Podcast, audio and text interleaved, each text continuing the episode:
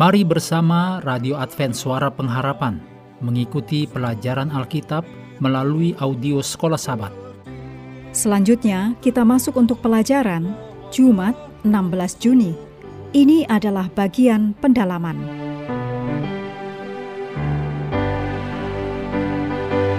Mari kita mulai dengan doa singkat yang didasarkan dari Wahyu 5 ayat 9 Engkau layak menerima gulungan kitab itu dan membuka meterai-meterainya. Amin.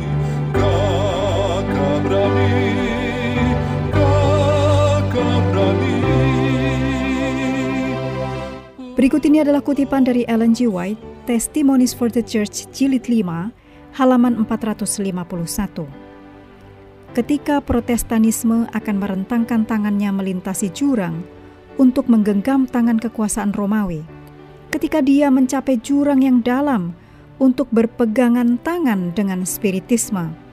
Ketika di bawah pengaruh kesatuan rangkap tiga ini, negara kita, maksudnya Amerika Serikat, akan menolak setiap prinsip konstitusinya sebagai pemerintahan protestan dan republik, dan akan membuat ketentuan untuk penyebaran kebohongan dan delusi kepausan.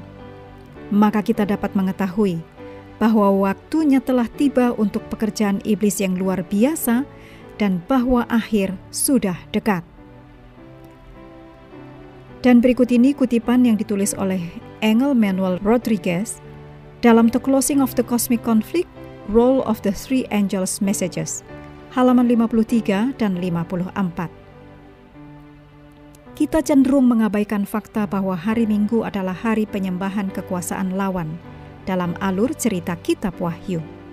Hari Minggu adalah simbol yang sangat penting, mengungkapkan kelicikan dan tipu daya naga yang luar biasa.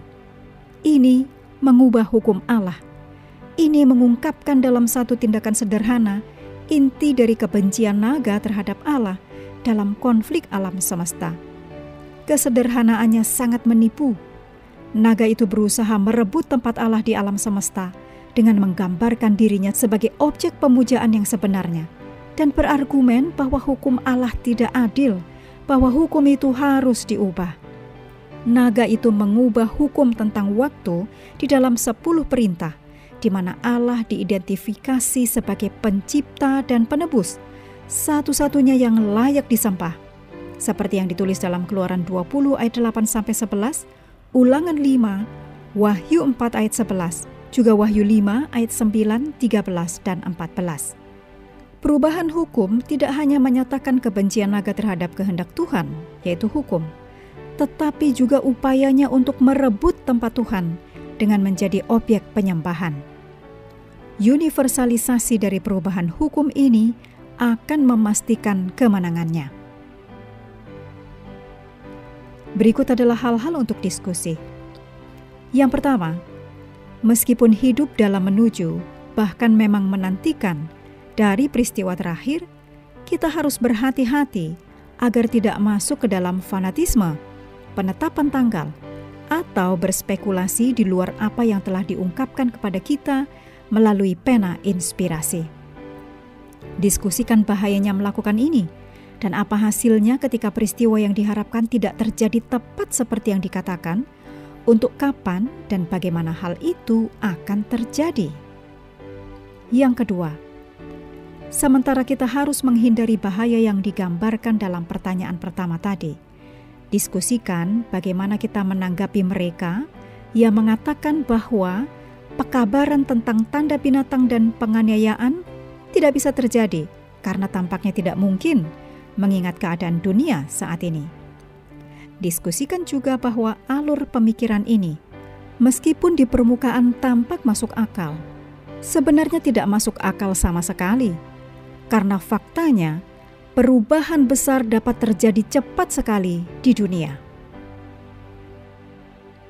Mengakhiri pelajaran hari ini, mari kembali ke ayat hafalan kita. Wahyu 7 ayat 2 dan 3. Dan aku melihat seorang malaikat lain muncul dari tempat matahari terbit, ia membawa materai Allah yang hidup, dan ia berseru dengan suara nyaring kepada keempat malaikat yang ditugaskan untuk merusakkan bumi dan laut. Katanya, "Janganlah merusakkan bumi atau laut atau pohon-pohon, sebelum kami memeteraikan hamba-hamba Allah kami pada dahi mereka. Kami terus mendorong Anda mengambil waktu bersekutu dengan Tuhan setiap hari, bersama seluruh keluarga, melalui renungan harian, pelajaran Alkitab sekolah sabat, juga bacaan Alkitab sedunia. Percayalah kepada nabi-nabinya yang untuk hari ini melanjutkan dari Mazmur 41. Tuhan memberkati kita semua.